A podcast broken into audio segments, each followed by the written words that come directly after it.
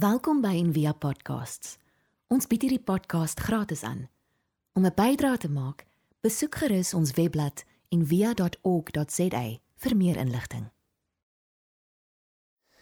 So baie dankie vir almal van julle wat ehm um, ja of erns help en dit moontlik maak want ehm um, is ook 'n die begeerte by ons dat meer mense, mense wat regtig reg is vir dit ook ehm um, gehelp kan word en kan begelei word op 'n pad wat ehm um, net soveel sin maak. So dankie vir julle tyd en vir al julle liefde. Nou ek het gedink net om twee goed te noem so aan die einde van die jaar. So ons almal ken Filippense 3:14 wat sê Maar een ding, ek vergeet die ding wat agter my is en ek strek my uit na dit wat voor is. So dan moet ook 'n breekpunt kom met die verlede en is belangrik om dit te doen. Maar net soos wat die Bybel ons uitnooi om te vergeet, sê die Bybel ook ons moet onthou. So Deuteronomium 32 vers 7 sê onthou die dae van ouds. Gou van die vertaling. En dan die hele Joodse godsdienst, as jy nou hoor hoeveel keer hulle moes sê um remember the Lord your God onthou um is dit belangrik om dan ook terug te kyk. So miskien net een ding in die wêreld waarin ons lewe word dit al hoe moeiliker om te kan onthou. Want daar gebeur so baie goed. Nou die geleerdes praat nou vandag van jy het 'n lang geheue of jy het 'n fisieke kort geheue. So ons brein begin nou te werk soos so social media so dis die heeltyd skrol skrol en ons wil afgelei word. En dis hoekom dit so moeilik is om stil te word en ons haat dit. Ons wil dit nie wil dit nie nie. Dit krap ons om. Dis ongemaklik. Ek verstaan hulle het al eksperimente gedoen dat hulle vir mans gevra het ehm um, wil julle sal julle elektriese skok verkies of wil julle in stilte sit En dit van die man sê, nee maar ek kom ons probeer stilte en baie gou sê hoor jy gee my eerder 'n elektriese skok. So en ek ek dink is baie simptomaties van ek kort die nuwe impuls, jy weet, om en ek word gedryf met die probleem met dit is jy kan nie onthou nie. So ons en as jy doodgaan, die enigste goed wat jy het en waarmee jy eintlik doodgaan is lang herinneringe. So as ek nou dink in die video wat ons geluister het, jy weet so wat wat wat s'ie bestanddele van 'n lang herinnering is gewoonlik 'n buitengewone ervaring. Dit is iets wat buite die ordinêre met jou gebeur. Dis amper nou soos Maria wat gekonfronteer word met die onmoontlike. In verlede week het Vrydag praat oor sê ja vir die onmoontlikheid. Dink dis dit. Elke keer as jy ja sê vir die onmoontlike, dan skuif daar iets. Soos Paul wat sê kyk ek kom hier nou te met 'n vooropgestelde idee dat maar nou ontmoet jy God en op heeltemal 'n ander manier. Jy gaan dit nooit in jou lewe vergeet nie. Om Willem wat net sê nou verstaan ek wat die die Bybel bedoel met maar die klippe gaan uitroep. So ons kan baie goed lees in die Bybel. Jy gaan dit vergeet, dit gaan nie vir jou iets beteken nie, maar totdat jy die ervaring het van dit. Dis 'n memory for life.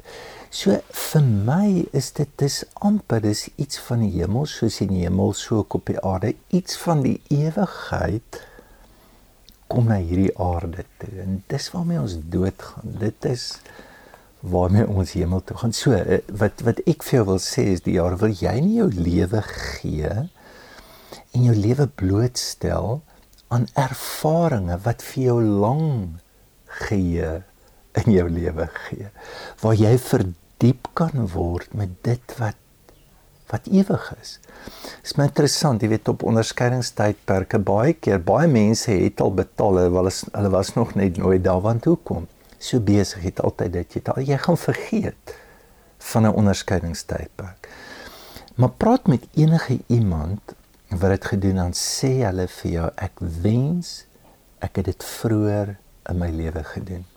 Hoekom? Dis ewig. Dis presies wat dit is. Dis ewig.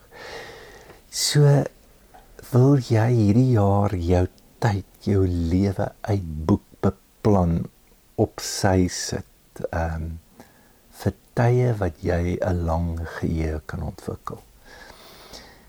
Nog 'n ding wat nou by my opkom is refleksie op ons baie en ek dink dis wat die Bybel sê sy nou sê onthou die dae van ouds jy weet so dit reflekteer en daar kan die eksamengebed jy kan maar sommer Google op die web of 'n manier van gebed wat jy eintlik jou hele dag besoek. Elke dag. Aan die einde van die dag gaan jy terug. Jy probeer verstaan waar was God waar. En in so mate gaan jy op plekke en op maniere in jou saamwees met God bou jy ook kapasiteit en verdiep jy jou geheue. Jy gee hom 'n groter draagkrag jy gee hom meer lente. En sê ek dink nie dis net 'n vinnige manier. Ek dink die doel hoekom ek doelbewustheid moet uitsit is om amper 'n gewoonte en 'n vermoë te ontwikkel dat dit my lewe word. So as die Bybel nou sê bid altyd deur of bid sonder ophou, dan is dit amper 'n manier van dink en kommunikasie wat 'n spontane manier van wees is eerder as wat dit hoe ek gaan dit gou doen. So daar's die ek dink refleksie vat ons na 'n dieper bewustheid toe wat 'n ongelooflike lang geheue het van hoe God teenwoordig is in ons lewe. Dan is nou die einde van die jaar. Ehm um, ek dink wat ons 'n lang geheue gee is om ook ons toekoms te kan hoor. En dink maar aan enige iemand wat in die Bybel ontmoeting met God gehad het en gevoel het, maar dis wat hy of sy moet doen met haar lewe. Dit was nie net 'n idee nie. Dit was nie net 'n ervaring nie.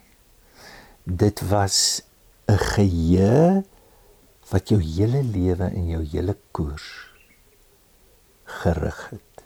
En is belangrik vir my. Die grootste vraag wat jy moet vra vir hierdie jaar wat voor lê, wat vra die Here van my?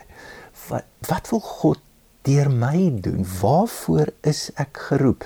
Naas my werk, naas my familie, naas my stokperdjies, wat is dit wat ek moet doen? Dis wat jy moet hoor. En is 'n ontsettende lang gee want hy trek jou hele lewe binne dit in.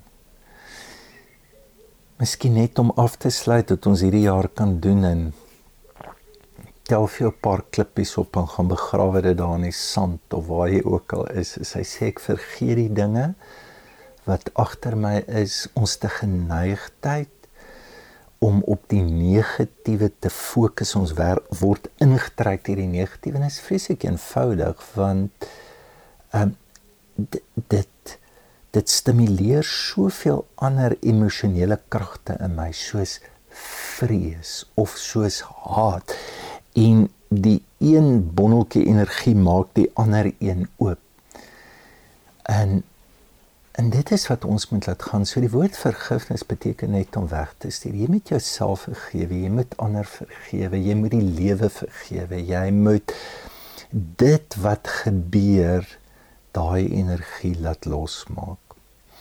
Want dit kan 'n ontsettende negatiewe lang energie in jou lewe word. So sluit hierdie jaar af en laat hulle gaan.